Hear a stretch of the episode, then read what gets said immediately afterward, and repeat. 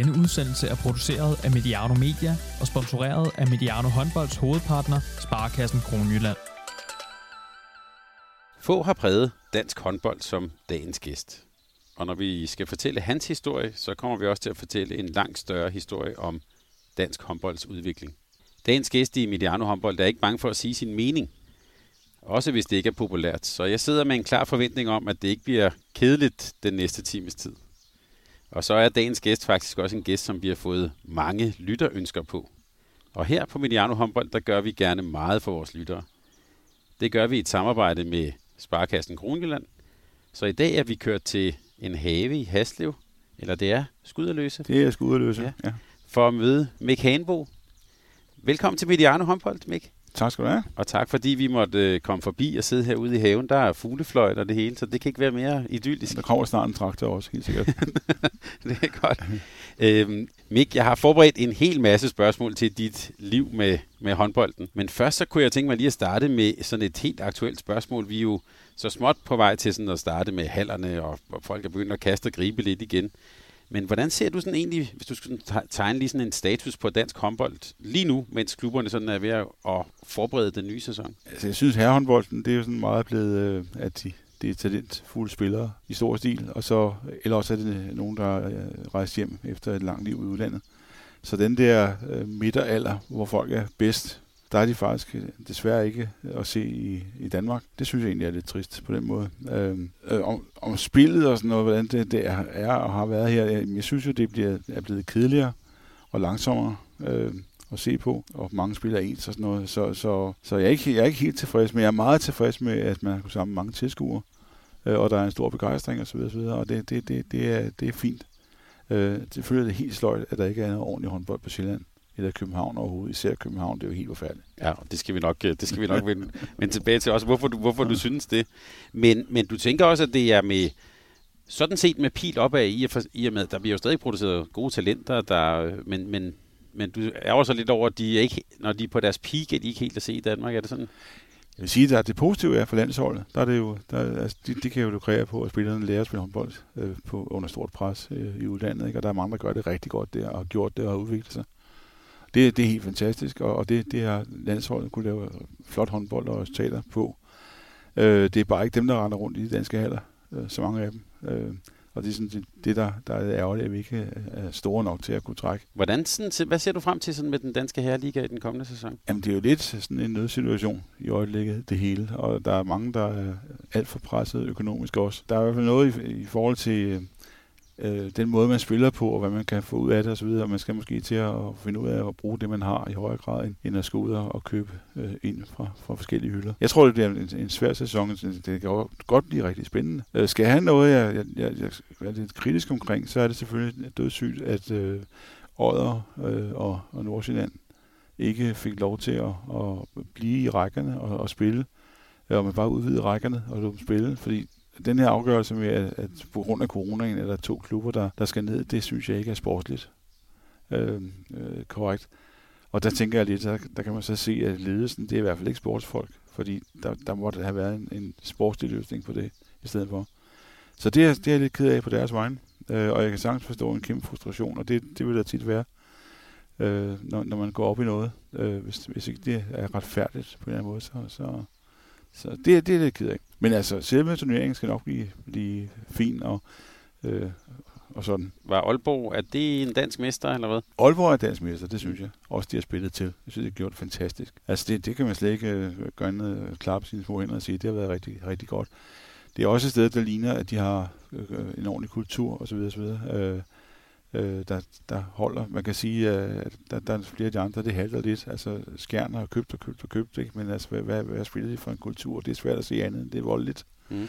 så, så ikke, Bjergbro lidt det samme. Ikke? Nu siger du, kommer René Toft tilbage til, til Bjergbro. Det er jo nok ikke for, for at dække vildt offensivt, eller for at lave noget teknisk fantastisk. Det er vel for at være stor og stærk, ikke? Altså, øh, og, og langsom.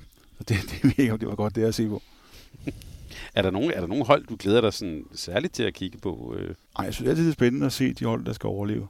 Altså, hvordan de, de prøver at gøre det, først og fremmest. Ikke? Og der, der vil jeg sige, mange gange, så er der jo meget mere liv i en, i en bundkamp. øh, hvor det virkelig betyder noget, end, end der er i mange andre kampe. Og det er jo det, der også, kan man sige, er lidt irriterende med, med slutspillet som idé, at, øh, at turneringen udvandes øh, undervejs. Øh, der kan man sige, at alle kampe i tysk håndbold betyder noget. Altså, der er ikke, du kan tage nogen aften, hvis ikke du er klar til et bundhold, jamen så kan du tage mesterskabet der. Øh, der kan man sige, der bliver det mere ligegyldigt her, så der, der bliver for mange ligegyldige kampe. Men, men bundholdenes kamp for at, og netop at, at tage de point, de kan få undervejs det synes jeg faktisk er, er, er sjovt. Det er måske også det, jeg selv har måttet prøve meget ved de hold, jeg har haft altid har været i den øh, tynde ende og skulle overleve. Øh, jeg ved jo, du er jo heldigvis stadigvæk meget passioneret omkring håndbold. Hvordan har det så været at måtte undvære og, og skulle sidde og kigge på håndbold, og at der ikke har været noget her de sidste mange måneder? Det har været en kold tyrker. Ikke? Og når de begynder at sende øh, cykelløb fra 95 og sådan noget, i stedet for i sporten, ikke? Og, og de stadig har... Jeg synes, det er imponerende at mest af aviserne, der har stadig har sportstillæg, uden der findes noget sport. Ikke? Det synes jeg, det er godt gået. Nej, det er selvfølgelig, det er selvfølgelig ærgerligt, og ærgerligt, fordi det er derfor kulminationen på, på sæsonen. Ikke? Men jeg synes, man kan sige, at i tysk håndbold, altså Kiel, de er værdige mestre. Det er heldigt, ikke? Og Aalborg hjemme er værdige mestre, så det er også fint. Men jeg tænker også for dig, jeg, jeg går ud fra, at du holder af sådan en tirsdag aften lige at se en, en god ligakamp eller sådan noget. Hvordan har du sagde en kold tyrker, det, det lyder hårdt. ja. Nej, men altså, jeg ser da meget håndbold, og, og heldigvis så, så bliver der vist meget mere håndbold. Øh, også tysk håndbold, øh, jamen, alt muligt, også fransk. Øh, og det, det ser jeg rigtig meget af. Øh, og, og øh, det kan man sige, det er den store forskel på, da, da jeg startede. Der var slet ikke sådan noget. Altså, øh, slet ikke. Ikke? Og, øh, jamen, altså, der var jo sådan set kun Danmarks Radio hjemme i det hele taget. Der var, der var slet ikke sådan noget, så meget tv-dækning. Øh, så man kan se noget god bold øh, normalt. Og det er selvfølgelig hårdt og mangle. Så, så kan man synes lidt med andre ting. Man kan jo lægge puslespil. Det er der mange, der har gjort i coronatiden. Ved vunde, øh, når du så, når du, når du så kan se noget, hvor, øh, hvor, hvor ser du så med, han har sagt, med størst glæde? Hvor synes du, der bliver spillet god håndbold? Hvor er det interessant at kigge hen? Jeg synes, det er sjovt, at det er de spanske træner, der har lavet mest rav i den her på, på det seneste. Med, med, og indgangen til det, det øh, meget har, har været noget godt forsvar øh, og, og noget levende spil. Altså det, det synes jeg er fantastisk, og, og det, øh, det er på plussiden virkelig, og så øh, på minussiden, så kan vi simpelthen tage, at der er nogle andre ting, altså de her meget stationære 7 mod 6 spil og sådan noget, altså hvor, hvor spillet nærmest går i stå, ikke? Sådan, det, det er jeg ikke så vild med, men, men øh, jeg, jeg nyder at se de gode spillere, altså jeg kan jo slet ikke, jeg kan jo slet ikke, det er sådan en kamp, øh, her der, der var med, med øh, VM, ikke? Med, med, med Dunjak. Mm. Øh, den, den, altså, det er jo helt fantastisk, som han ene mand er ved at slå, vinde over hele verden, ikke? Og, ja. og tager den udfordring op. Altså, det, det er altså værd at se på. Hvordan kom du egentlig i gang med håndbold? Jamen, det er jo sådan, øh, at min, øh, min bror i starten af 60'erne øh, gik i skole. Jeg havde en øh, god klassekammerat, og en af dem, øh, Per, han havde en mor, der var øh, gymnastikpige i Saga. Og Saga, de skulle så lave en håndboldafdeling i forbindelse med, man havde bygget Frederiksberghallen. Og der, der tog Per sine klassekammerater med ud og spillede håndbold. Det var min storebror. Mm.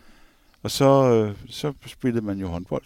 Ikke? Og jeg var lillebror, fire år yngre og så videre. Ikke? Jeg kom derud, og jeg, jeg, kan ikke, jeg kan ikke selv spille håndbold. Jeg har stået lige smule på mål, men slet ikke på noget niveau.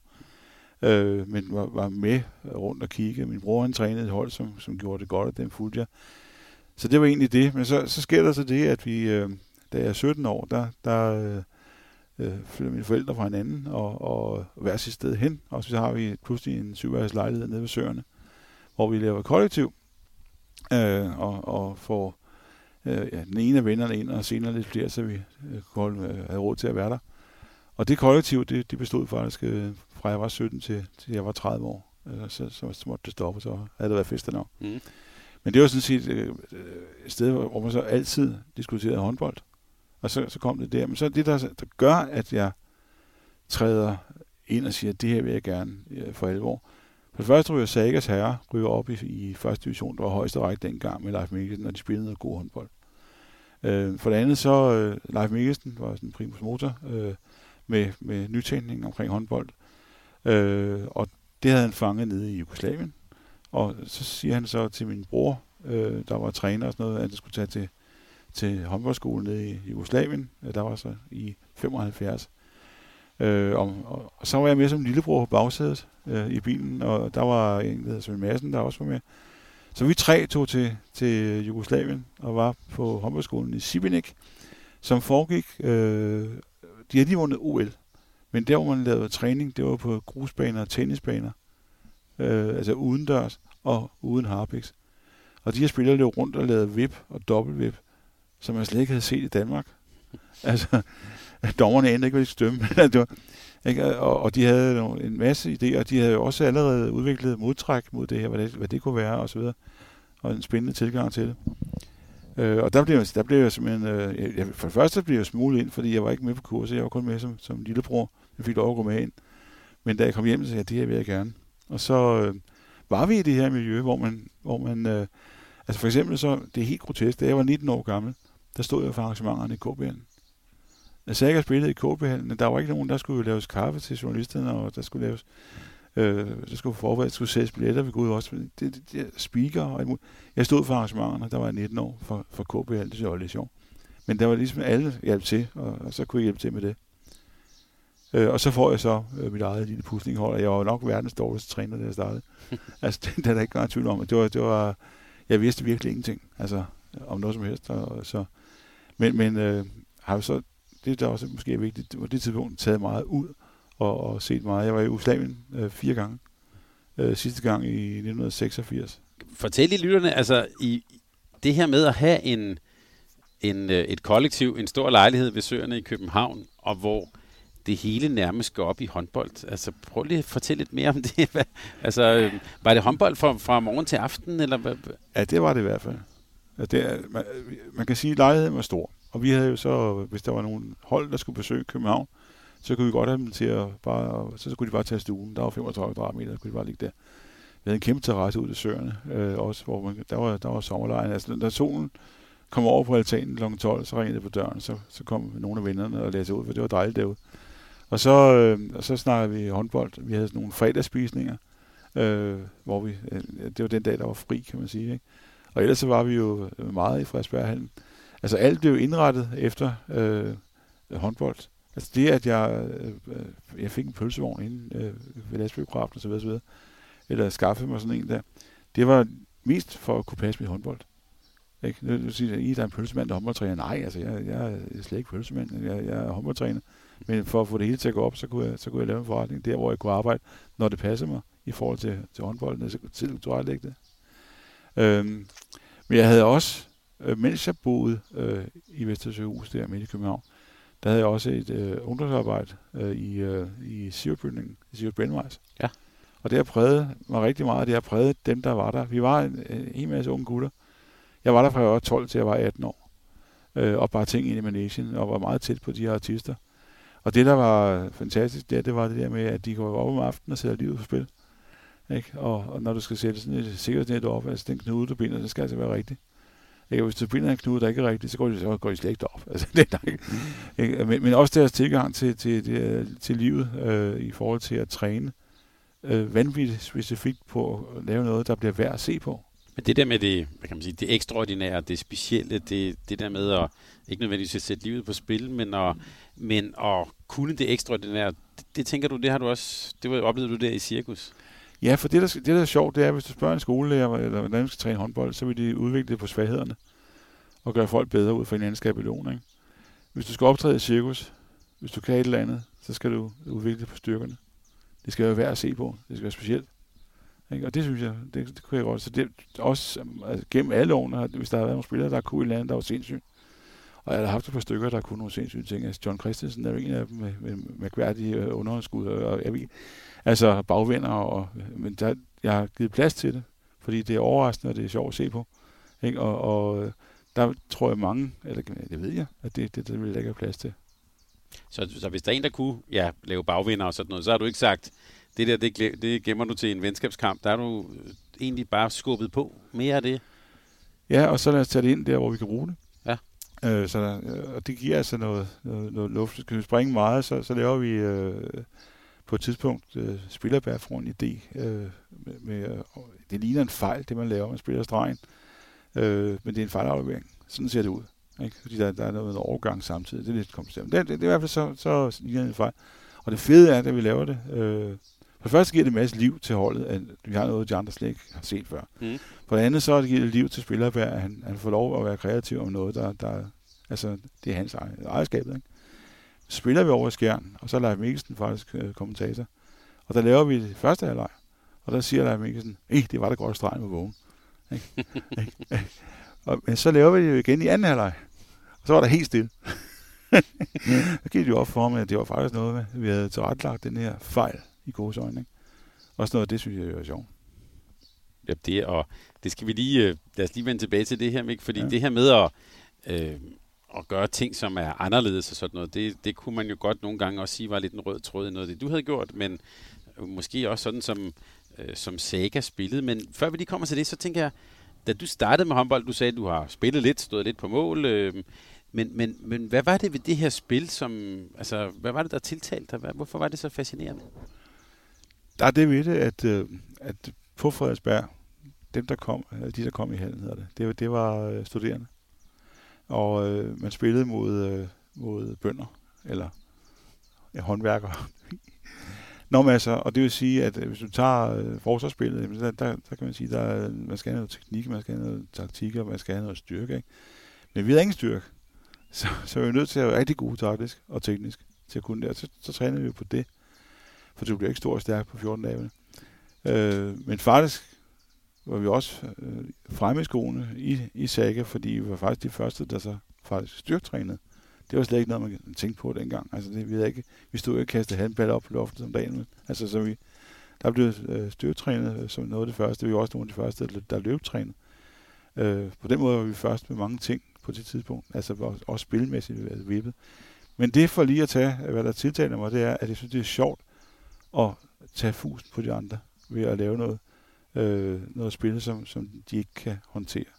Altså det er en succes, øh, synes jeg, når man kan få en, en landsholds øh, playmaker til i afmagt at kaste bolden ud af banen, fordi han ikke har nogen sted at spille den hen. Ikke? Altså det synes jeg er sjovt. Ikke? Og det er det, det forsvaret kan, og at spillet kan. Øh, og det er også det, når du ser en, en, øh, en god kamp i dag, så er der en hel masse øh, taktiske frem og tilbage øh, ting, øh, hvor, øh, med folk, der kan noget. Det er sjovt. Men du sagde, da du startede, hvad var du 17 år og havde et puslingehold? Eller? Nej, jeg var, jeg var noget ældre faktisk. Ja. Jeg, var, jeg var øh, 21 år eller sådan noget. Ja. Men du sagde, ja. du var en meget dårlig træner der. Ja, jeg vidste ingenting. Nej. Hvad, hvad skete der så? Hvordan blev du så bedre? Jamen, det var så det med, med... For det første var der øh, nogle gode hold i, i hallen i forvejen at se på. Der var nogle lokomotiver. Det er jo også det, der mangler fuldstændig i København nu. Der er ikke nogen overhovedet, der er værd at se på. Altså, der er ikke, der er ikke noget lokomotiv. Vel? Altså, men det var der i, øh, i form af, af Sagas herrehold, øh, som var værd at se på. Øh, det inspirerede jeg selvfølgelig. Og så så jeg træninger, jeg overvejede træninger. Jeg den mand i verden, der har set mest træning. Der var nogle hold, øh, der var i Frederiksberg, der var en klub, der hed Mariendal. Det var sådan et old boys hold, de spillede altså i 3. division. Men de kunne alle tricks i verden. Ikke? Og jeg tror, AB havde faktisk et hold samtidig, der, der var lige så sindssygt. De blev pokalmester på et tidspunkt, og de kunne kun lave tricks. altså, mm. Men de der, jeg, jeg så, jeg har set rigtig, rigtig, rigtig meget øh, håndbold øh, der og, og så ud til mig. Og så øh, øh, i forhold til at kunne omsætte det, så har jeg så måske været heldig, at jeg har haft blik for det. Altså, det er jeg ikke kun selv. Jeg synes selv, det er en styrke, at jeg ikke selv har spillet, fordi jeg er nødt til at sætte mig ind i alting. Mange gange, så hvis en øh, træner øh, har, har været en god stregspiller, så er det typisk, at hans hold har godt stregspil. Altså, det, det er sådan mange gange, det hænger lidt sammen. Altså, den fordel har jeg jo ikke haft, at jeg kunne sige, at jeg har spillet, så jeg er jo nødt til at sætte mig ind i det meste. Så du har sgu egentlig sætte dig ind i, og er faktisk først at forstå det, før du kan omsætte det til noget, en træningsøvelse eller noget, I gerne vil? Ja, 100 procent. Ja. Hvilke fordele giver det, udover det, at man, det der med, at du ikke har spillet? Gør det så også, at du ser det på en anden måde? Det tror jeg egentlig ikke. Altså det kan man jo sige, det kommer lidt på spillernes respekt, når du får den, ikke? øh, undervejs, og det er jo dejligt. Altså, øh, altså, så har man ramt noget alligevel. Ikke? Øh. Men har du skulle kæmpe for at få respekt? Det er klart, hvis man kommer med 150 landskampe, så, så er det i hvert fald i nogle miljøer, så har man natur, en naturlig respekt. Har du skulle kæmpe for den? Jamen, altså, jeg er en stor mand, ikke? Og, og har lidt for meget mave og sådan noget. Ikke? Altså, så noget af det første, jeg oplevede som seniortræner, det var, at jeg skulle udspille en opvisningskamp mod Helsingør. IF, mm. faktisk det var en fejltag. Vi troede, det var HFC, det var 3. division. Det var det ikke. Det var, og vi var selv i 3. division. Det var forfærdeligt. Men øh, deres holdleder, han startede før kampen med at gå ind og spørge mig, hvilket værtshus jeg kom fra. Altså, så var det en fornøjelse senere at sende den ned. Jo, så der har været lidt, der ikke kom nemt der. Mm. Ja, så, men den der, men hvordan har du det med den der, lad os bare tage det, den der sådan, jeg hører dig fortælle den historie også, at det gav noget brænde på bålet, eller lidt, øh, altså der kom noget energi ud af det. Er det også, ja. altså, hvordan har du det med den type modstand? Har det motiveret dig? Ja, ja. ja der, har, det har ligget mange steder, for det har også ligget i, for eksempel så havde jeg, øh, fik jeg så øh, udvalgt ungdomshold i København, øh, sammen med Bent Hansen øh, fra Ajax på et tidspunkt, så var langt dygtigere træner, end jeg var på det tidspunkt. Men vi tog ud med København, som var et lille forbund, ikke? og vi vandt faktisk det landsunionsstævn, der var dengang med, med jyder og Fynborg, så det, det vandt vi altså nogle gange. Øh, og, og, det var sjovt, det var sådan en lille mod den store også, altså hvor, hvor vi virkelig var underdogs. Jeg kan huske, at vi havde en kamp med, mod Fyn med Kim G. Jakobsen, øh, som var en kæmpe stjerne, ikke? Og, og det var med, med øh, hvor vi fik at vide dagen før af landstræner, det var Per Frederiksen, at, at der havde i hvert fald ingen chance, Lesbeth havde ingen chance. Men øh, dem slog vi selvfølgelig. Ikke? Og sidst stod vi op, kom nu Kim, skyd. og så det er selvfølgelig sjovt. Så der er den der underdog, og også som københavner. Hvis vi lige vender til, tilbage til, til Saga, der, du, du siger, du trådte ind. Leif Mikkelsen havde været der så vidt jeg husker, havde haft et godt yndlingehold, havde også været på de jugoslaviske skoler. Hvad, hvad var det for en tradition, du trådte ind i der i, i, den, i den klub? Ja, det er først og fremmest øh, var det hårdt arbejde. Og en vinderkultur, man snød altså ikke. Det kan man sige, det har jeg jo så oplevet senere, at, at mange prøver at snyde, men det var egentlig, det var en, der var nogle ungdomsspillere, øh, unge, der kom op i sækker, der ikke helt havde moralen, kan man sige det sådan. Men, men, altså, men stemningen var, at man, at man, man kæmpede for det. Og, og slås øh, trænede benhårdt. Leif Mikkelsen var en benhård træner. Altså, så der blev lavet rigtig meget øh, fysisk øh, i hallen, når man trænede, så var man der. Men det er også et sted, hvor, hvor, hvor øh, rammerne var små. Altså, jeg har da været med til at have, øh, da jeg trænede herreøvning, der, der var der to, havde jeg to yndlinghold, som trænede på samme bane som Sagas første og anden hold. Så der har været 50 spillere på gulvet på en gang. Men der var ikke mere halvtid. Og så finder man jo ud af det alligevel. Så der var også øh, noget tæt der. Der, der, var, der var lidt... Altså, det er jo spændende at spejle sig. Jeg tænker over i GOG, da de skulle have styrtræningslokale, at der lagde de ned ved siden af opvisningshallen. Sådan af, af ungdomsspillerne, der skulle ned og træne, de kunne så se øh, stjernerne. De var i samme sted. Altså, det var glimrende, for eksempel. Så noget lignende. Så det var et sted, hvor der var håndboldkultur, hvor det emmede af håndbold. Øh, og folk, var det også sådan, jeg tænker også sådan, kulturen, var det også et sted, hvor man blev i mange timer efter, du så mange træninger, sagde du, og talte håndbold og levede håndbold? Ja, ja, altså, vi blev jo til, til barn lukket næsten, ikke? Altså, der skulle mm. evalueres bagefter. Og det var det værtshus, du kom fra? Nej, men, men, men uh, Frederiksberghallen var, var en smeltedil uh, på det tidspunkt. Vi lavede rigtig mange uh, landsholdsspillere uh, til, til Y-landshold og U-landshold. Uh, især. Uh, og og, og jeg, havde, jeg havde et hold, uh, som det danske mestre, som, som var ja, en af spillerne, han kom fra, jeg mener, han var i hvert fald reserve, måske nok andenholdsmålmand i, i Roskilde, og kom til, til Saga, ikke, og blev dansmester og kom på Jyllandsholdet lige efter. Ikke? Altså for eksempel, øh, vi var meget gode til at få noget ud af det. Så bliver jeg bare nysgerrig. Hvad var I gjorde godt? Altså, hvordan kunne det lykkes? Jamen, altså, jeg, jeg tror bare, det, det, var, det, var, det var stemning omkring det, og så i øvrigt, altså igen, at vi, vi, øh, vi gjorde ikke som de andre i forhold til, til i hvert fald forsvarsspillet. Det var det, var, det, var det, det, det er lidt vigtigt. Altså, at, jeg ved ikke, om vi skal vende tilbage til, til, til, til den del, fordi der er en tråd i det. Fordi de jugoslaviske der, de havde, øh, de havde opfundet en, en indianer, eller indianik, eller hvad de kaldte mm. det, der rendte rundt ude foran. Øh, og det var selvfølgelig spændende at se, hvordan det var. Og der var, så fik øh, FIFs herre, øh, der var det været 84 eller sådan noget, øh, i 3. division, der, der var øvrigt med Lasse Andersens farfo. Mm. Der var også skød hårdt og ramt stolpen. Altså, men øh, nej, øh, der havde han spillet Kenneth Stykkel, og han, han kunne noget af det samme. Indianer øh, foran fantastisk til at ligge og bryde boldbanen, og de andre kom aldrig på mål i, i fart, fordi det, det, det var han rigtig, rigtig god til. Uden nogensinde at sætte takle igen, for det gjorde han heller ikke. Men, men han kunne i hvert fald øh, tvinge de andre til at spille, til at spille dårligt. Øh, og det var den der indianer, så, så fik vi ham ind. Og det er lidt sjovt, for det er så øh, 84 til 87, jeg har øh, jeg træner ham. Øh, og så i 95, der vinder franskmændene så VM på Island. Og der har de en spiller, der hedder Jason Richardson. Og reglerne for hans forsvar, det var faktisk de samme. Øh, men vi havde bare lavet det så i de der 8-9 år inden øh, i Frederiksberg. Bare for at sige, at vi var altså på forkant med mange ting. Hvor kom den tradition fra? Var det tilbage fra ja, både de der jugoslaviske håndboldskoler, Leif Mikkelsen, det lå vel bare i, i, i, i væggene næsten, at det var sådan, man, man spillede håndbold, når man var der? Jeg tror også, det er lidt af nød. Altså, man sprang lidt i... Altså, man, fordi når du kom derned og så noget, du kunne bruge. Ja. Det, du havde. Altså, altså Sagas herrehold havde brødrene Jarvskov, som var, var fodrap begge to, ikke? Og, ja. og Henrik Jarvskov fik mange landskampe og sådan noget, og det var rigtig, rigtig god, ikke? Så var det også oplagt at lave noget, der krævede, at man var, øh, så spiller man på den måde, ikke? Ja. Det tror jeg lidt, altså der, der, der var live god til at sige, at det kan vi bruge det der, ikke? Og så noget af det, vi andre lavede, det var jo sådan set bare kopier, men altså, så passede det nogle gange rigtig godt til, til det. Og det er faktisk en pointe, der starter som, som uh, divisionstræner med FIF. Der er alle holdene, man møder, de er forskellige.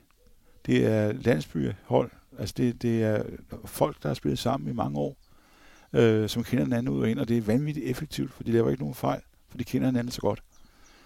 Øh, og så øh, allerede sådan omkring årtusindskiftet, så, så bliver det sådan noget øh, koncepthåndbold, hvor alle spiller det samme, og koncepterne kan jo umuligt passe til alle spillere.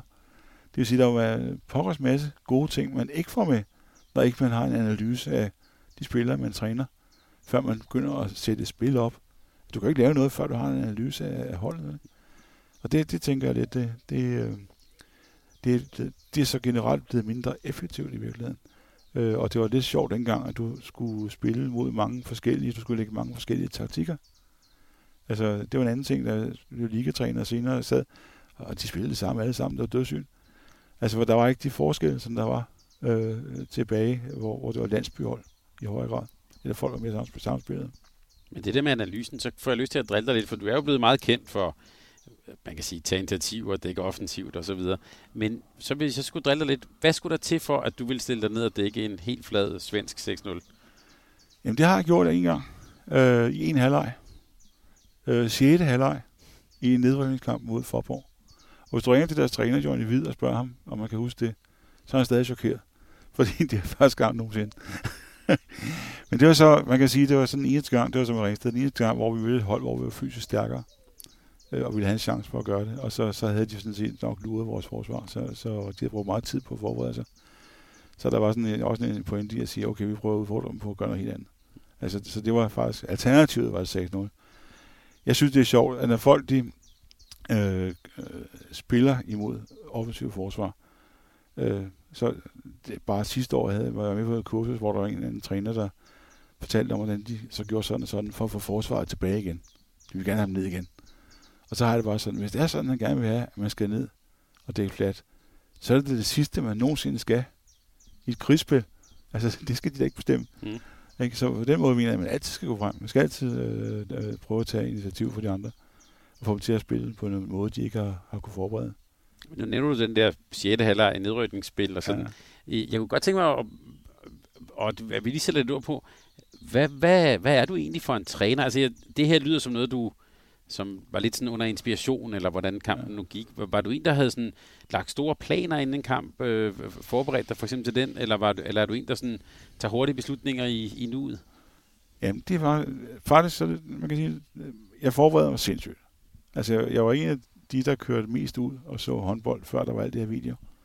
Øh, og da det blev liga, så kørte jeg til Jylland for at se kamp. Altså, virkelig, virkelig set meget for til og jeg er virkelig altid velforberedt ned i nogle øh, perfide detaljer. Men det er ikke sikkert, at spillerne skal vide alt muligt. Og der er altså en kæmpe forskel. Det skal jo formidles på en eller anden måde, så de kan forstå det. Så i virkeligheden kan du sige, hvis jeg siger til, til en, øh, en øh, uh, forsvar, du skal stå der, og næsten kan gå ind på gulvet og, og sætte et kryds. Det er her, du skal være, når han har bolden. Så er der en hel masse baggrundsviden, han ikke, ikke behøver sådan at forholde sig til. Og så efterhånden, så får, hvis de får tillid til dig, fordi det lykkes, og det har jeg jo oplevet gang på gang, at, at vi, vi har faktisk, ja, de hold, jeg har haft, har altid haft nogle af de bedste forsvar i ligaen, og de har aldrig haft de bedste forsvarsspillere, men altså, men man kunne sætte det op. Det kræver forberedelse, øh, og, og det, det, det gør jeg. Øh, men så igen, så er der også en anden ting, den gode forberedelse, det er, at du, øh, du øh, også får en frihed til, og, og der kan man sige, der er, øh, når man kigger på håndbold, så er der mange trænere, der bliver fanget af deres egen viden, så ikke de tør gøre noget. Og der kommer også det næste ind, det er jo det, er det spændende her, det er jo kampen livet i, i selve den kamp, du er gang i. Og der er en hel masse om, hvad for nogle spillere, der fungerer i dag, hvad for spillere, der ikke fungerer. hvem har målmanden fået overtaget på, hvem har han ikke osv., der kan gøre, at ting bliver helt anderledes, end det, du har forberedt. Så skal du jo også have, have, have mod til at, eller forståelsen til at gå ind og, og skifte. Hvad, hvad var ellers sådan, hvad har været dine styrker som træner, hvis du sådan skal, det er jo svært at sidde og rose sig selv, men nu tvinger jeg det til dig alligevel. Nej, det er ikke svært. Nå, men jeg tror, det, det der har været godt, det har været at få, få, få alt ud af det, der var på, på de gode hold, altså øh, på det tidspunkt øh, virkelig. Altså det her, fordi jeg vendte tilbage til, jeg træner i FIF, og vi spiller i 3. division, og så spiller vi i 2. division. Og to gange skiftede vi faktisk hele truppen ud. Men, men øh, det sidste gang skiftede ud, det, det var jo op i ligaen, det var i første division. Der er, det jo, der er tre spillere tilbage for holdet året før. To fløje og en modmand. Og så, øh, så får vi så Tornbys yndlinghold. Der har nogle gode spillere. Michael Sager Hansen, der spiller foreningsformand nu, ikke? og Andreas Jensen og Mikkel Ågaard. Øh, som, som jeg tager ud og snakker med, og de kunne tænke sig at være med til at præge et hold. Det ville de gerne. Og så tog de på spillervær med, og ham kendte jeg faktisk dårligt nok. Altså, han var ude i Ajax. Så kom han med, og så var der nogle andre spillere for Roskilde, og lidt, altså, øh, der kom et par jyder og sådan. Og så havde vi pludselig et hold, og der fik vi jo så øh, et hold, der slet ikke kunne dække op. Og slet ingen forudsætninger for det, men de havde heller ikke nogen viden, for de har ikke fået noget. Så derfor så siger man, vi gør sådan. Vi dækker sådan og så dækker vi sådan nøjagtigt, som jeg vil have det. Så vi dækker sindssygt. Vi dækker forskellige offensivt. Men vi havde jo øh, Mikkel, Mikkel Ågaard og Bruce Spillerberg, de var kun yndlingsspillere. Og vi var jo altså oppe i ligaen. Og der havde vi altså udviklet, at de spillede, vi spillede 4-1 plus 1, hvor den ene stod med front mod vores eget mål, og den anden stod, altså begge to stod foran. Og jeg har også den fornemmelse af at lave noget med, vi har et hold uden forsvarsspillere. Vi har ikke verdens bedste modmand. Øh, men vi laver det her. For det, det har vi trænet i og prøvet nu også i, i næste højeste række, for det virker, og nu gør vi det den fornemmelse med at så gå ind i, øh, i, i ligaen, og rent faktisk starte med at lamme til både Gok og Kolding. Og så gjorde vi for starten på det her. De kunne slet ikke finde ud af det. Det var altså vanvittigt morsomt. Og det, var også, det gav selvfølgelig også en, en, en tro på, øh, at, at det vi gjorde var, var, var rigtigt. Og den periode, den har været fantastisk, og øh, nu kan man sige, øh, hvor, hvor, det er jo ikke sådan, at man får takbreve på en måde, men, men taknemmeligheden, altså, man kan kalde det noget andet. Altså, at, at når en af de spillere, der var med dengang, øh, bliver direktør i, i, i et firma og går ud i Bergens på, på en side og skal fortælle om sit liv, starter med at fortælle om den periode, det han lavede der. Og det var fantastisk. Ikke? Og det var altså, det var sjovt. Hvad, hvad gør det mentalt for sådan et, altså jeg tænker, 4-1 plus 1, øhm, lad os bare sige i hvert fald, som vi ser nutidens håndbold, det er anderledes. Hvad, hvad, hvad gør det op i hovederne på spillerne, når vi er et hold, der er så anderledes? det er jo det, der er godt med, at de var, var uprøvede spillere. Altså, jeg, jeg, jeg er stadig overrasket over, at det lykkedes, fordi de var også på, et, øh, på Y-landsholdet og på U-landsholdet. De blev verdensmester faktisk. Mm. Eller, øh, et par, nogle af dem. Øh, og, og, hvor de havde Torm Winter, som, som ville lige det modsatte. Øh, og for eksempel så, vi dækker jo meget offensivt. Der, kan, der snakker jeg der med en af dem, der var med, hvor han så sagde, at når man spillede over for Naki, han var altså lige så stor dengang. som, som man er nu. Ikke? Og så gik de altså frem, selvom træneren havde sagt, at de skulle blive tilbage. Ikke? Mm. Altså, det, så nej, men, men, men der kom en tillid til, at det, at det kunne lykkes, fordi vi, vi øh, lukkede få mål ind. Og jeg hørte dig også i starten sige, at den tilgang, den ser du ikke så meget, hvis vi tænker dansk liga. Altså det der med at være anderledes. Nej, men det er ikke bare at være anderledes, fordi det er også fagligt. Altså, tager, øh, nu siger vi godt lige Spanien, ikke? Men altså, det er ikke mere end to år siden, at Spanien de lamme til vores Sverige i en EM-finale fuldstændig. Hvad de gør, det står lige i pausen, og så lægger de to mand frem, nøjagtigt som FIFA har gjort for 20 år før. Ikke? Det var at sige, at de har stjålet det der. Nej. Mm. men, men det gør de, og det er selvfølgelig fagligt, altså fordi øh, man skal vide, hvad man gør. Ikke? Øh, altså, lige det der med, øh, jeg kunne godt tænke mig, at folk satte sig ned og kiggede på Dunjak, når han dækker frem. Mm. Ikke? For det er jo det. Altså, hvad er det, han gør, der gør, at de andre ikke kan spille håndbold? Ikke? Og det er jo mange, mange det er jo små ting, man skal, man skal jo nærlæse. Bare lige, lad os lige prøve, vi er her på en Mediano ja. håndbold, hvor vi godt går i detaljen. Ja. Så ja, nu bliver jeg nysgerrig på det der 4-1 plus 1. Hvordan, dels hvordan opstod ideen, og hvordan, øh, du nævnte jo, at du satte dig meget ind i sådan, altså, tænkte det igennem og sådan noget. Hvordan var, hvad kan man sige, processen fra, at du får en idé til, at I så øh, slår GOG på den måde? Men jeg tror, jeg tror den der, det, det er noget med, at øh, på et tidspunkt, der var der nogen, der begyndte at dække øh, skæv med en forsvar frem. Og jeg tror også, at vi prøvede det, men vi havde slet ikke fysik til at holde. Altså resten kunne slet ikke holde øh, øh, til, til det. Så vi blev bare kørt over, altså, når, vi, når vi prøvede det. Og så tænkte jeg, hvad kan vi gøre for at stoppe det yderligere, øh, det her flow. Ikke? Og så, så lagde vi så øh, en frem. Men så kommer det, det der med at gå over på den anden side, øh, og vende samme vej som modstanderen. Jeg ved ikke, hvor den kommer fra. Den kommer et eller andet tidspunkt, så vi ikke prøve at gøre det. Ikke? Og så viser det sig faktisk, at det er vanvittigt effektivt. Fordi de der bagspillere, de løber rundt og kigger sig over skulderen hele tiden, for de kan ikke se, hvor, de kan ikke se, hvor han er hen. Ikke? Og det vil sige, at deres fokus på at gå med mål, den, den, øh, det forsvinder. Så det var da sjovt. Jeg vil sige en ting, der er også en anden ting, der er vigtig. Jeg er træner i FIFA i et eller andet øh, 15 sæsoner i alt. Ikke? Jeg havde også magten til at gøre ting. Og det, der måske er svært, hvis man skal ud og, og træne andre steder, det er alt det tradition, man er op mod, og alt det, man folk forventer at se og plejer at se osv. osv. Øh, der, du har ikke samme magt, øh, som, som jeg havde på det tidspunkt der, til at gøre tingene. Og så bliver det noget underligt helt noget. Men det var, noget, det var ikke noget, der skete i en, en dialog med andre. Nu, du, nu siger du det her med magten. Det var der, der fik ideen, der, der førte den ud i livet, der, der stod på mål for den. Nogle af tingene, det er mine det er andre ting, det, det er spillerne. Angrebstingene, det, det øh, var meget øh, spillerne. Vi, øh, vi har altså også prøvet, og det var så meget, skal jeg lige sige. Og det er helt perfekt. I øjeblikket spiller alle 7 mod 6, ikke? eller mm. prøver at gøre det. Ikke? Og det, det er dødssygt at kigge på og sådan noget, det er stationært, og det er også i øvrigt nok en lille smule øh, forkert, at det skulle være bedre. Der er jo tom mål bagved, det var rart af det, ikke?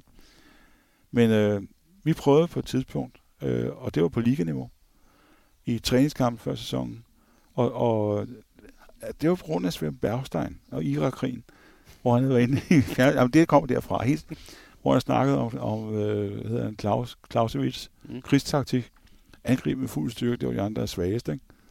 Og så tænkte jeg, det skal vi prøve. Ikke? Og øh, jeg ved ikke, om det kommer måske i stævne, hvor vi ikke har så mange spillere eller et eller andet. I hvert fald så kan jeg huske, at det var Helsing, og det var IKAST, og det var, det var Ligaen. Hvor vi så udvalgte, øh, jeg tror, det var faktisk en landsholdsspiller på en hold, så han kunne ikke dække op. Så vi kan høre på ham. Så stillede vi to mand op på midten, der ikke var med i angrebet. Og kun angreb med fire. Det var vanvittigt effektivt. Vi spillede to halvleg. To forskellige hold. Begge halvleg vandt vi kæmpestort. Der er ingen fejl. Og du angriber hele tiden på et punkt. Der er en stregspiller, der er en fløjspiller, der er en bagspiller og en tilspiller. Og så der. Og så var modstanderne at finde ud af, hvad, deres, hvad de vil der 6-0, hvis de står over og dækker i den anden side af banen, hvor der ikke er nogen. Det prøvede vi, og det er sådan en ting, jeg ikke har kunne, kunne afprøve øh, i, i det virkelige liv, i, i turneringen eller noget. Øh, men, men jeg vil sige, jeg var chokeret over, hvor effektivt det var. I forhold til, at man skal være 7 mod 6. 7 mod 6, det er, det er en træningsøvelse. Altså, jeg synes, du dækker 3 1 for eksempel. Vi har dækket meget offensivt, alle mulige forskellige. Mm. Men 3 1 det er der, hvor du skal bevæge dig mest. Øh, for at træne det bedst, så har vi spillet netop øh, 7 mod 6 til træning i 20 år. Det er ikke nyt. For det, det er ret nemt. Man får en fornemmelse god selvtillid, at man sagtens kan dække de der syv, øh, når, man, når man gør det rigtigt og bevæger sig osv. Og vi har også så for ligesom at spidse den, spillet 6 mod 8, for stadig at kunne dække op. Altså alle de der øvelser, hvor du gør sådan nogle ting, det, det. Men, men den der med, vi tager den lige en gang til for lytteren bare lige, altså i angreb kun med fire mand, det synes jeg, og, og på det svageste punkt. Men der fik du lidt, øh, der fik du inspiration fra, man kan sige, det er jo så egentlig fra krigshistorien nærmest. Øh, ja, det var det. Hvor, hvor, hvor hentede du ind se inspiration hen? Nå, men jeg synes, jeg har stjålet fra, fra alle mulige spillere. Jeg har set nogen lave noget. Så det der, det er jo sjovt, ikke? Og nogle gange er det også for meget det gode. Altså, øh, øh, da jeg var ungdomstræner i starten, jeg tror, jeg, det, har det været Jesper Petersen over fra Jylland, Aarhus eller sådan noget. I hvert fald er nogen, der har lavet et kryds og et vipper, der så rigtig godt ud, de pludselig fra et jysk hold, ikke? hvor jeg så brugte tid på i træning. Altså, det, det skal vi altså også lave, ikke? og det passer slet ikke til, til det materiale, der var. Men altså, så der går og kigger. Men det er også ved at se meget håndbold, at man kan. Ikke? Men er det... Øhm, altså, det lyder også, som man kunne sige, det er sådan et højt anlagt spil, for eksempel øh, at køre VIP-kombinationer og så videre.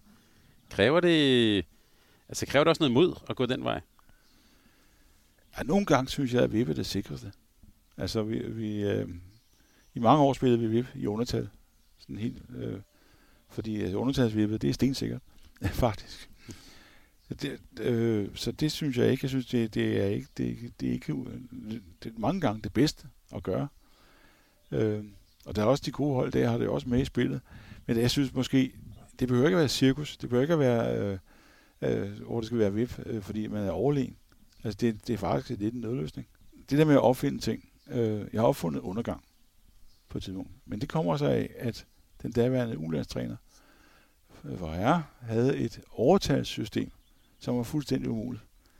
Øh, hvor bragte den spiller, der havde bolden i en vanvittig situation. Og det, det kiggede jeg på og sagde, det der, det er da for tåbeligt. Men så øh, tænkte jeg, okay, hvis nu man laver lidt om, og så, gør sådan, så kan du måske bruges bare til almindelig grundspil. Så undergang, det lavede jeg med, med FIF, og, vi, og jeg ved ikke, hvor mange tusind mål, der lavede på det. Det er en dødssygt, det er system. Det, det, det er meget fast, vi gør sådan. Ikke? Men det så jeg ikke vej. Og han tog det med til, øh, han tog det med til, øh, til Tyskland, og, og i dag, der, der, der spiller de undergang alle mulige steder, og i Tyskland uh, undergang, der er de, der lavet film, har jeg set, ikke? Mm.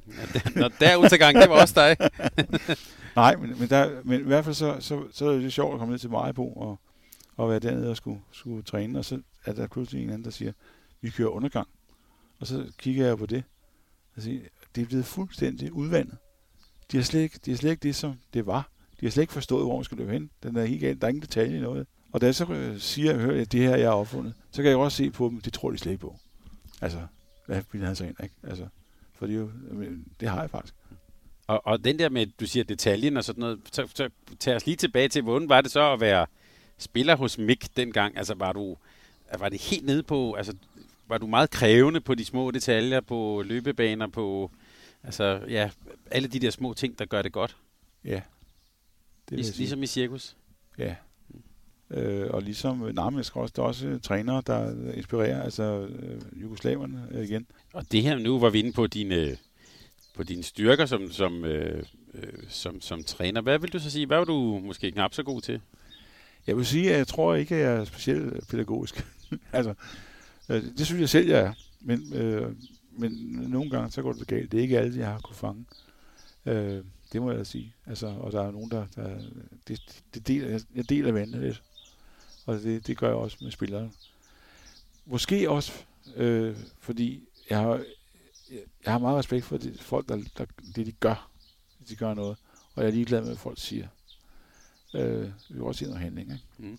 Og den, den er, der er nogle spillere, der har måske, hvis du kommer ind med et hold, sådan, der, der har nogle sådan noget status, som de egentlig ikke skulle have. For de leverer ikke. Altså, og det, det giver altså nogle problemer. Vi har aldrig haft mange møder, store, øh, forkromede møder om alt muligt. Øh, alt det der øh, teambuilding ting har jeg klaret i øh, før træning, eller i små pauser, der kan være lige at snakke lidt med. Og hvis der er noget, så tager dem enkeltvis, så ikke de får de der store, øh, kedelige øh, møder. Altså, det har jeg sådan set prøvet at undgå. Men jeg, jeg tror, det, det kunne være en svaghed, at, at, at jeg, jeg ikke får alle sammen med. Ja. Hvordan har du tænkt på det der med at og, og, øh, og bygge hold. Du har jo haft, øh, du har allerede nævnt en masse navne på spillere, du har haft. Det er jo også, kunne man sige, store personligheder. Hvordan får man dem til at fungere i sådan et fællesskab eller på et hold? Man kan sige det sådan, at det er i hvert fald, øh, altså, det er meget vigtigt, at sandheden er der, hvor holdet er. Fordi der kan være nogle omgivelser. Der er meget, altså det er klart, hvis en spiller hele tiden bliver trukket i, hele tiden skal repræsentere holdet i pressen, øh, og skal sige noget udadvendt øh, om, om det, der sker, osv. osv., osv. Ikke? Der er nogle andre, der synes, det er forkert, det han siger, eller der kan, der kan være en masse øh, problemer. Så det er meget vigtigt, at man har en, en, en, sandhed, når man er samlet og snakker, der ikke er. Og alle dem rundt om, det er jo, det er jo ikke kun, det er jo også øh, forældre til ambitiøse spillere, eller spiller, ambitiøse forældre, tror jeg, til stakkels børn. Ikke? Mm. Og så, så er det, øh, øh, hvad er det pressen selvfølgelig oplagt, men også øh, de, der har pengene og sponsorer. Der, der er en helt kreds af folk, der man skal på en eller anden måde holde, holde øh, med informationer, uden det går ud over holdet. Ikke? Altså, det, det, det er følsomt. Og det der med, med, med, med, med det følsomme, der fik jeg en sportschef på et tidspunkt, øh, hvor diskussionen var, om vi skulle have en yndlingsspiller med på holdet. Øh, og jeg havde sådan, det synes jeg ikke, fordi han kommer ikke ind. Øh, havde jeg fået det svært i forvejen, og, og han, kommer, han kommer nok ikke ind. Og det er synd for ham at sidde på bænken eller køre bus altid. Han skal jo hellere spille et andet sted og få lov at spille. Men sportschefen, så siger han, og det er den der rigtige sportschefs melding, ah, men han kan bare komme ind, når I fører stort. Han kan bare komme ind, når I fører stort. Jamen, vi fører ikke stort.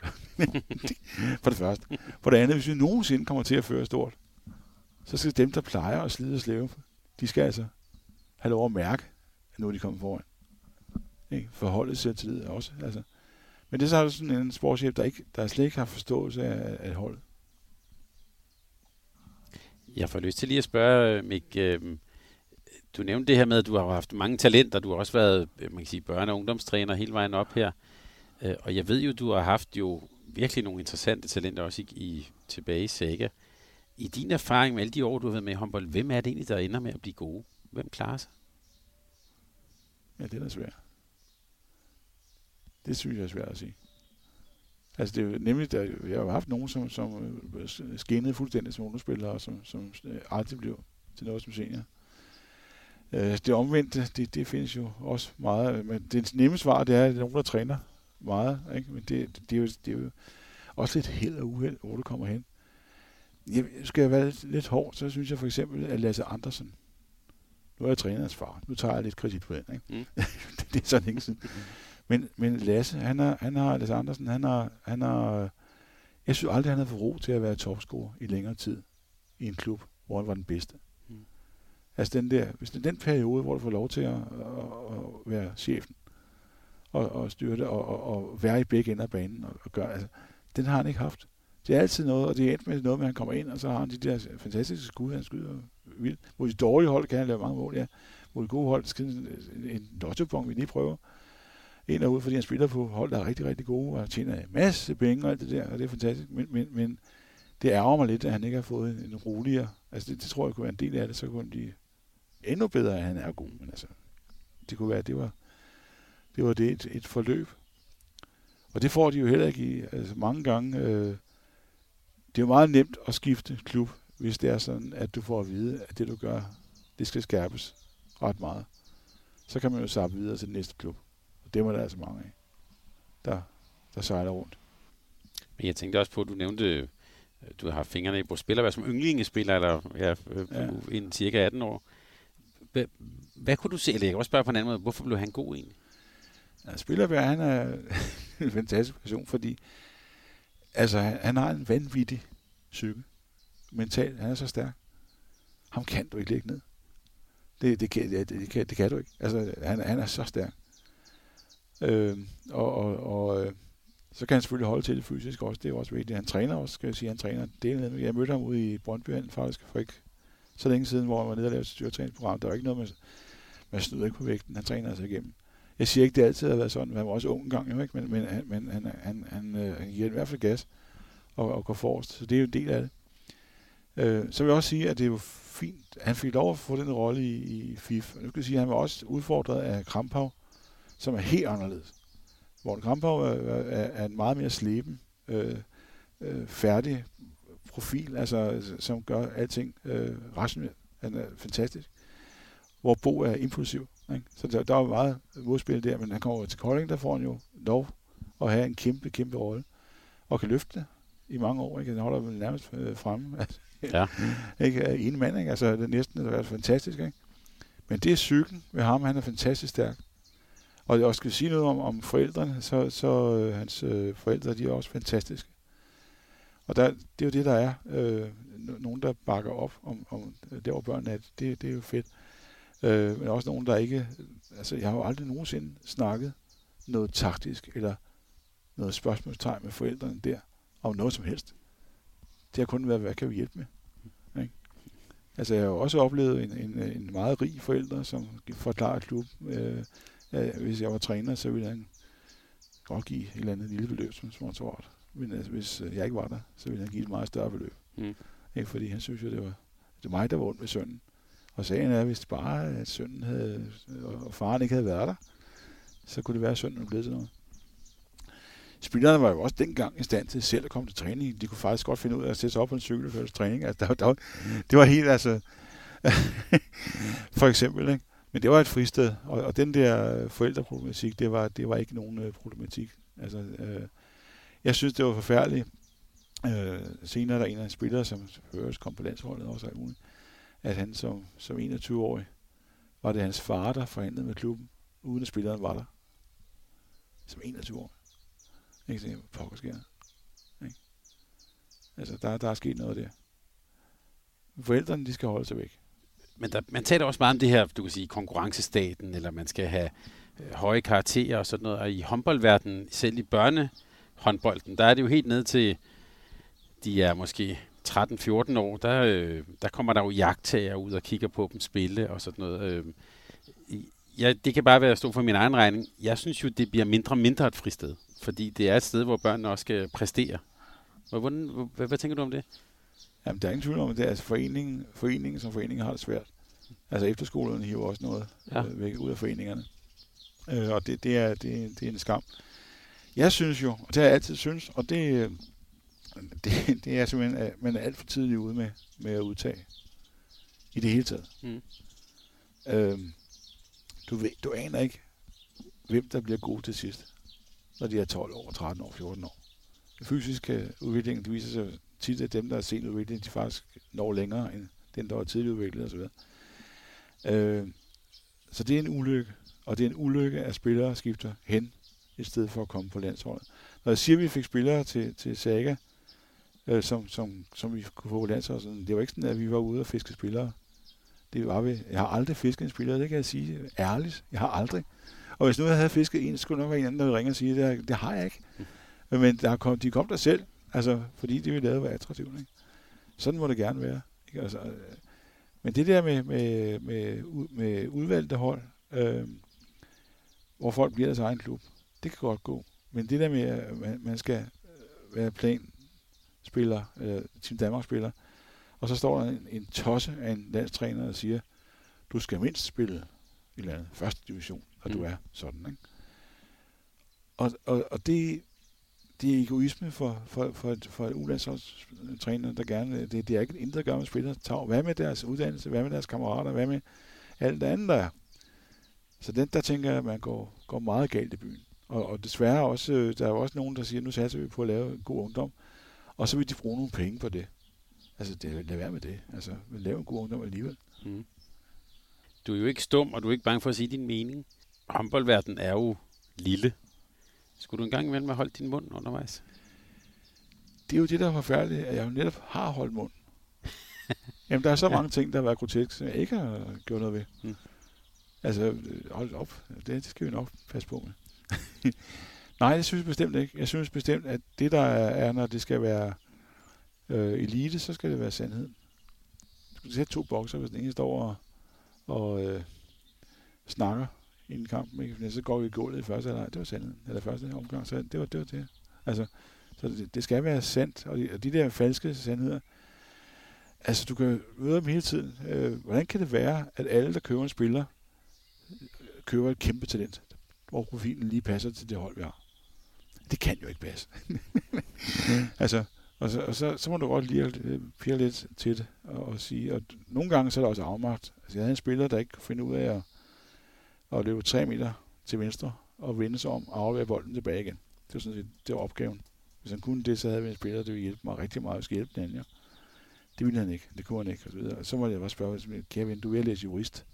Hvordan kan det være, at du ikke kan løbe tre meter og vende om og kaste en bold tre meter? Hvis du skal være jurist. Altså, det, var, det, var, det blev han fornærmet. Det, det var så ren afmagt, ikke?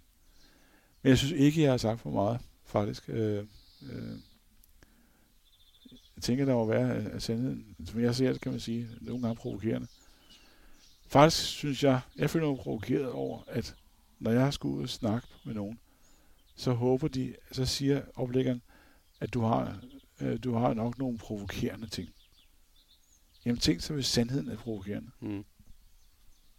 Altså, Hør lige her, I dækker alle sammen på samme måde, uanset hvad I har. Hør lige her, I tager alle sammen de samme timeouter på de samme tidspunkter, uanset hvad der sker. Nu har øh, Jan Pausen med Mors taget en timeout i hurtig opløb mod Aalborg i en, var det en semifinal, hvor Aalborg slet ikke var hjemme, og var ved at skifte ud for angreb, de kunne bare løbe op og score. Han skulle have en timeout. Det kostede sejren. Fordi man tager en timeout der, åbenbart. Krikhav laver det samme med Gok sidste år hvor han lige skal have en timeout, der hvor holdet, Danmarks bedste kontrahold, der stopper træneren en kontra, fordi nu må vi hellere tage en timeout. Det er alt det, man gør. Der er så mange ting, man kan sige, men prøv lige at øh, analysere, hvorfor. Øh, hvorfor gør I det? Øh, så jo, når jeg sidder og ser fjernsyn, så kan jeg også hisse mig op. Så også, ja. men, men synes du, at, øh, det synes jeg er en rigtig god det synes du også, at nu sagde jeg, at håndboldverdenen er lille, det er den. Men er det også... Øh, er den også for kedsomlig? Altså, er, er folk for pæne? Er der bare, vil du ønske, at der var en lidt mere sådan, kan man sige, bred eller dyb, hvad vi skal sige det, en, en større debat om tingene? Jamen, jeg tror ikke, der er meget debat. Det er sådan blevet en vare. Altså, øh, meget ensretning, og vi gør sådan og sådan. Altså i uddannelse, hvor jeg har været med, der, der det sidste jeg aflevede før, jeg tror, det sparkede ud næsten. Altså, der, det var, at man havde lavet en film med noget, øh, hvordan der var sandheden. Sådan skal vi træne. Og den sad vi så kiggede på, og så kunne jeg se, at den første ting, de lavede, der var i hvert fald tre eller fire grove fejl. Ikke? Og så kan jeg jo ikke lade være med at sige, okay, er det så meningen, at når de trænere skal se det her, skal kigge på det, så skal de sidde og finde fejlene, så de kan lave det bedre. For det må være formålet. Og det, og det er bare at sige, at når jeg siger noget, formålet er jo at få det bedre. Det er jo ikke at kritisere eller føre mig frem. Eller det er at få noget bedre, noget der er værd at se på. Ikke? Altså, det, Øh, Men tager man det så i den situation, hvis du bare lige, ja. tager man det så ilde op? Altså, ja, så går du ud på næsen, ikke? Ja. ja.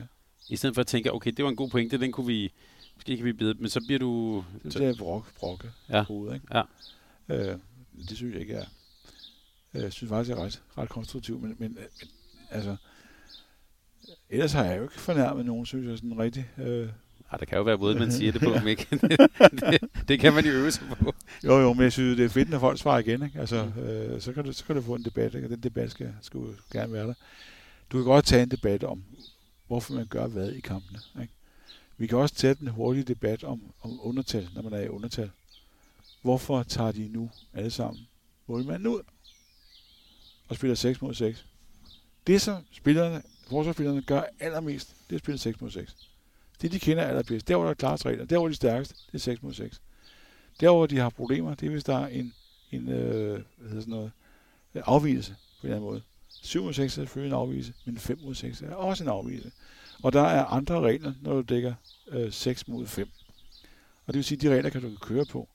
Jeg er sikker, så du kan lave ting, så har du stadig modmanden på mål dernede. Øh, så du kan lave ting, der, der, der virker 5 ud 6. Men det gør de slet ikke nu. Det vil jeg godt øh, prøve lige at tænke over, om det ikke var en idé at bare spille det undertal. Især når man fører med to. Ikke? Og der mangler i stedet for at give et tomt mål væk. Ikke? Der er mange, der synes, der har tabt mange kampe på tomt mål. Folk, der bag med tre, skal sætte. Så gør de landet 7 eller 6 eller et eller andet. Op. Så er målet tomt, så går de med fire. Ja, tak for kaffe, det var den. Løbmarkeringen, den kom jo øh, på et eller andet tidspunkt for 20 år siden. Eller sådan noget. Men det, der er sket, det er, at øh, at lønmarkering ligesom en melding om, at øh, du får en, en rykkerskrivelse. Ikke? Du skal betale inden 10 dage eller 7 mm. dage. Og så har du, okay, så har vi da 7 dage at løbe på. Mm. Ikke? Og, så, og så, så kan du spille videre. Ikke? Og så, inden, så, så, så, så stopper alting. Så stopper spillet, og man, der er masse frikast og masse palaver. I gamle dage, øh, nu fik jeg lov at skulle se en kamp fra, fra 82, tror jeg det var en VM-finale, hvor dommeren bare dømmer direkte øl, når der er en øl. Så spiller spillerne meget mere målrettet hele tiden. Så det der med, at man skulle hjælpe nogen, det har ikke hjulpet nogen. Det har gjort, at dommerne blander sig mere i spillet. Det har gjort, at spillet er blevet langsommere, end det var før. Altså, tag et spil, altså rundgangsspillet, hvor stregspillerne løber rundt, og det er helt grotesk, når de er mod offensiv forsvar, så løber han, jeg har udset en kamp ud af Ajax. De har en kæmpe stor stregspiller. Han skulle løbe rundgang. Og han løb skulle så ud foran forvejen på et modsat hold, det vil sige, at han var langt, langt, langt væk fra målet. Ikke? Og der skulle han så have en bold, og jeg sad sammen med en anden træner, vi sad og skrald grinede, det var simpelthen så komisk, ikke? Og det der egentlig er, det er, så fløj dog en øl. Når folk kører rundgang, så er der en øl. Det er jo ikke modsøgende. Det mener jeg. Altså, drop det der, det er ikke værd at sige. Det er et tidsspil. Og det, men det gør alle sammen nu. Og så siger de, det er godt at bygge spillet op omkring noget andet. Jamen, så går det tid med det. Og det der med, med altså, alting stopper hele tiden. Så nu er det video, nu er det timeout, så er det Altså, kampene bliver hakket i stykker, og får ikke det flow, de, de, de går af. Øh, men en rundgang er 7 mod 6 stillestående. Mm. Så jamen, jeg er ikke tilfreds. Mm. Men altså, en stor stregspiller, der løber rundt langt uden for træminderen med ryggen mod mål, det, der, der skal bare fløjtes. Altså, i boksning har han jo tabt. Ja. Vinder ryggen til modstander, der er det ikke galt. Ja. Altså, øh, jamen, det er bare fløjt. Det må de gerne gøre, men, men det er helt ude. Det, det, er, man, det, det er faktisk stadig, du kan godt fløjte de øjne, men de gør det ikke.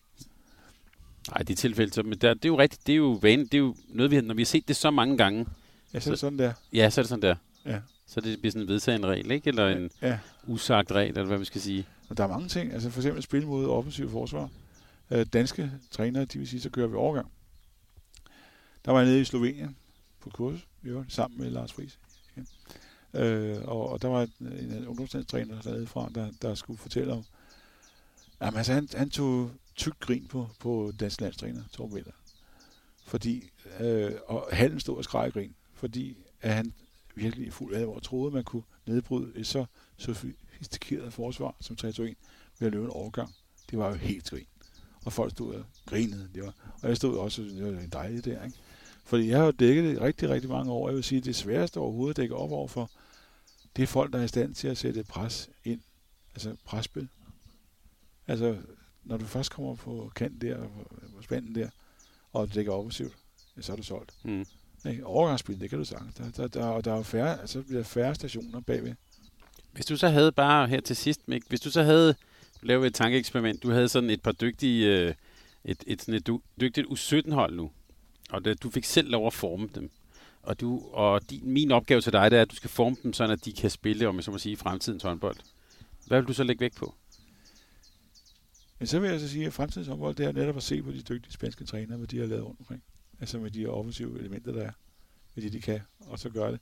Der, er, altså, der var en kroat hernede på Sjælland og holdt fordom, hvor han fortalte, at i Kroatien dækkede de alle sammen offensivt som børn.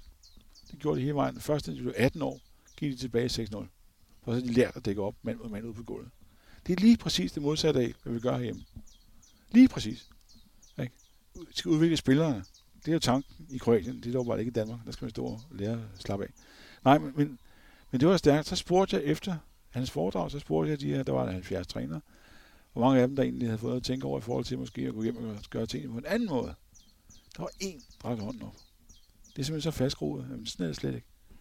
Vi skal lære at stå stille.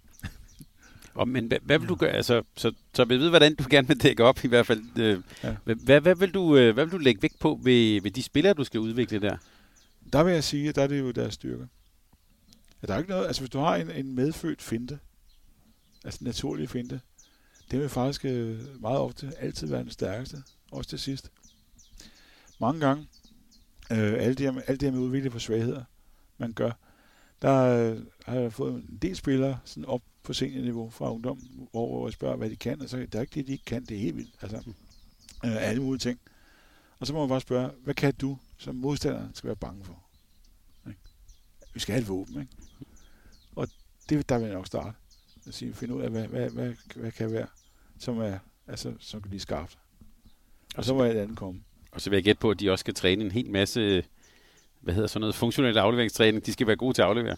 Ja, og det er jo, det, det er jo øh, igen, øh, det spil, der er i dag, øh, med meget duelspil og så videre, der, der, der er blevet, jeg synes, der er, altså afleveringerne har ikke samme niveau, men det har det, når du ser internationalt. Altså når du ser de gode hold, så er der nogle fantastiske afleveringer. Mm. Øh, det ser du ikke så meget af i herreligaen herhjemme. Ja, vi talte om, øh, om Dunjak også, ikke? Altså en, der ja, ja. for 20, når han ligger ned halvt ned, ja. så kan han stadig godt flække den 18 meter afsted i en Ja, så ligger han lige handsken på en. Altså, ja. det, det, og det er jo det der, når du har set det, og det kan man sige, det, det har vi jo set i Danmark. Vi har set Jørgen Petersen. Det er godt nok ja, mange år siden, ikke? Men de afleveringer har du ikke set siden. Ja, måske jo se, Mikkel Hansen har vel også noget... Mikkel Hansen har også, ja, ja. ja, ja jo. Og der har du så igen, det, det er helt vildt, ikke? Mikkel Hansen i øh, overtal, der spiller man den her 4-2. Mm. Og han kan finde ud af at spille det rigtigt, og det er rigtig, rigtig godt. Men så har du, og det er jo til træner på højeste niveau, Alfred Gislason, som, som øh, er nede i Kiel i en menneskealder, ikke? Øh, han han øh, har den her svenske spiller med, med knold i nakken, som ikke husker, hvad hedder. Øh, Lukas Nielsen? Øh? Ja, Lukas ja, Nielsen. Ja. Han spiller 4-2, og så Lukas Nielsen spiller venstre bak. Og det kan man godt prøve en træningskamp, ikke? Men han laver altså i to år i træk, laver han den ene fejl efter den anden. Så hver gang Kiel var i overtal, er så tabt i stort set. Så må man sige, han skal være landstræner i Tyskland nu. Han er helt sikkert en rigtig, rigtig dygtig træner. Men det er ligesom, det er fastlåst på. Nu skal han åbenbart. Hvorfor spiller han ikke, måske med en anden spiller, hvorfor vælger han ikke et andet overtagsspil? Så det, det er virkelig noget, der gennemsyrer tingene. Altså det, at man, man har nogle skabeloner. Men det er da også sjovt, at, at alle hold spiller det samme overtalssystem, nogenlunde. Ja alle hold, når de er i undertal, så laver de noget, som bare, jeg så i hvert fald første gang Barcelona, fløjkryds den ene side, fløjkryds den anden side, ja. øh, og så kører de noget rundgang, ja. fordi så går tiden med så det. Tid med det ja. det gør alle hold også. Jamen tænk dig, hvis dommeren bare dømte 0. Ja. Lige på. Det der, det er jo ikke, altså, og, og, altså, det mener jeg. Men det er lige så sikkert som i kirken. Det skulle bare nu, og det starter Ja. altid det venstre fløjkryds, højre fløjkryds, og så, Ja. og så rundt, og så er der gået et eller andet. Ja. Øh, men jeg tænker bare, det, det er også det der med, at det, fordi vi alle sammen sidder og ser det samme på tv, så Ja. laver alle hold også det samme. Ja, ja. Fordi det, når nu har set Barcelona gøre det, så går der et år, så laver alle hold det samme. Ikke? Jeg havde fornøjelsen af i mange år at være instruktør for DHF. Øh, De, de havde nogle kurser, hvor folk var samlet en uge, og det, det, den sætning, jeg elsker, det er også den der, ud fra hvilken analyse har du valgt at gøre sådan? Mm. Hvad er det, der gør, at øh, du synes, det er godt, det der, ikke?